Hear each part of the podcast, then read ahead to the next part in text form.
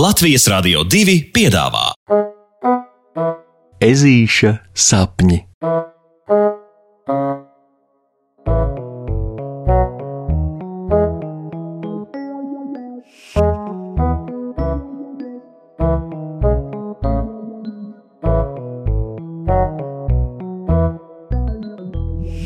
Ezītis un eksperiments ar krāsaino ledu.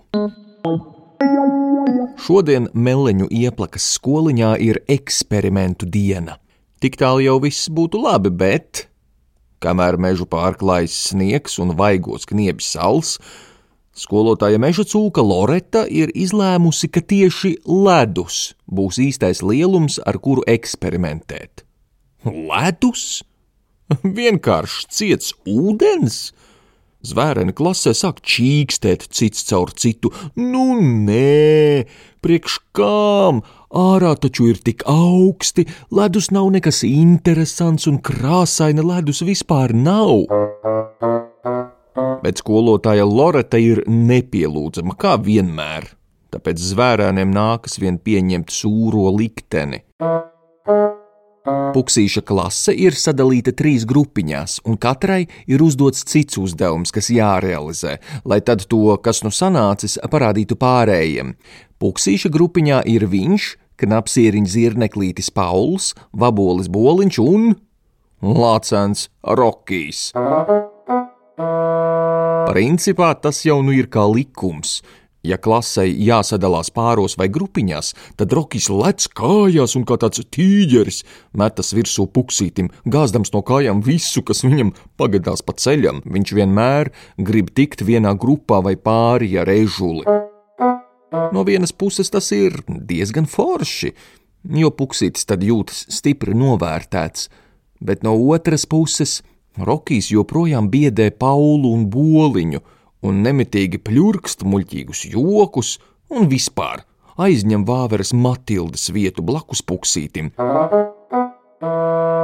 Bet eh, ne par to ir stāsts.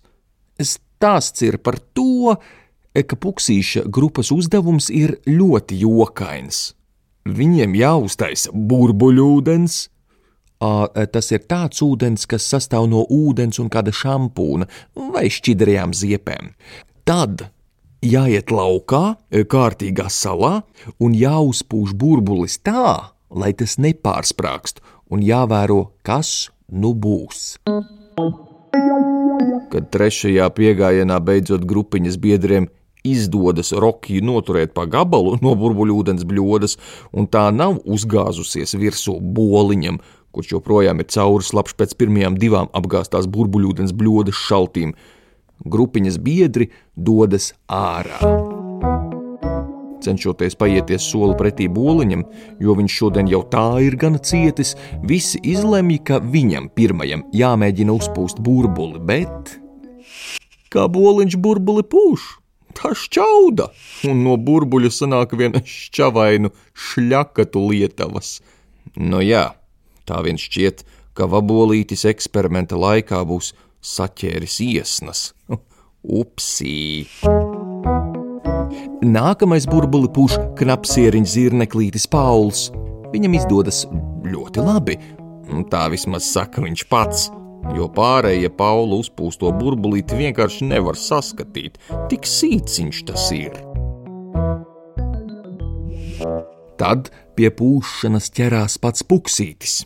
Viņam izdodas itin kā sakarīgi, bet katru reizi uzpūtis burbuli, ežulis pats sabīstas, ka burbulis tuliņ pārsprāgs pret viņa adatām, tāpēc laižas lapās, burbuļpūšamo kociņu ar visu burbuli nosviestams zemē un to pārspridzinādams. Eh! Labi, tagad tu! Puksītis saka Rokijam. Rokijam tas, protams, neliekas absolūti nekas sarežģīts. Tāpēc viņš ņemas pūst burbuli, atspēries bezgalīgā elpā un.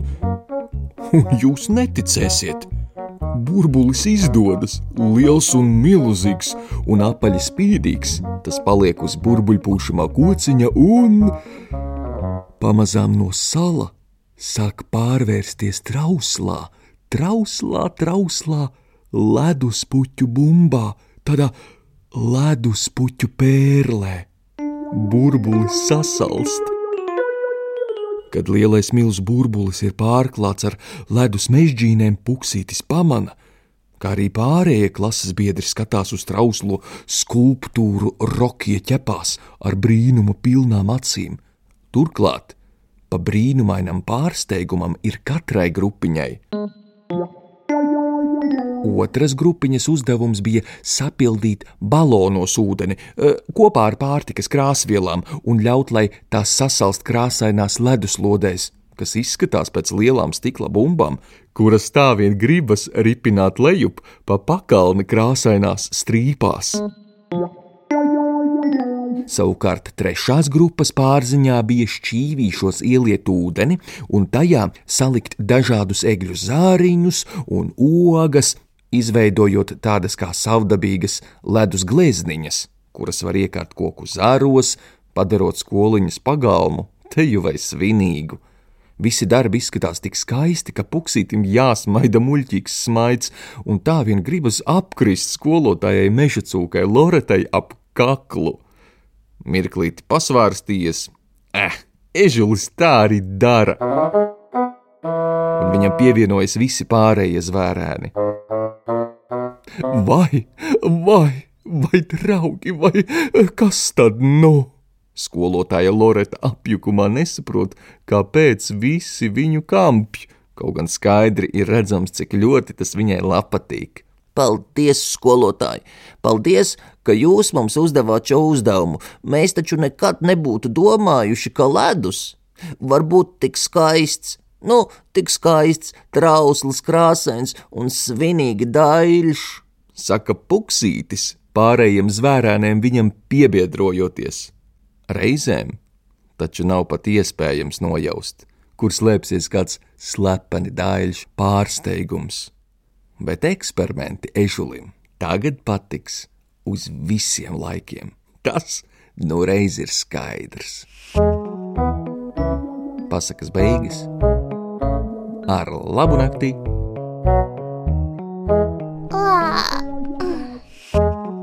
Saldus tev sapnīšus! Tiksimies rītdien!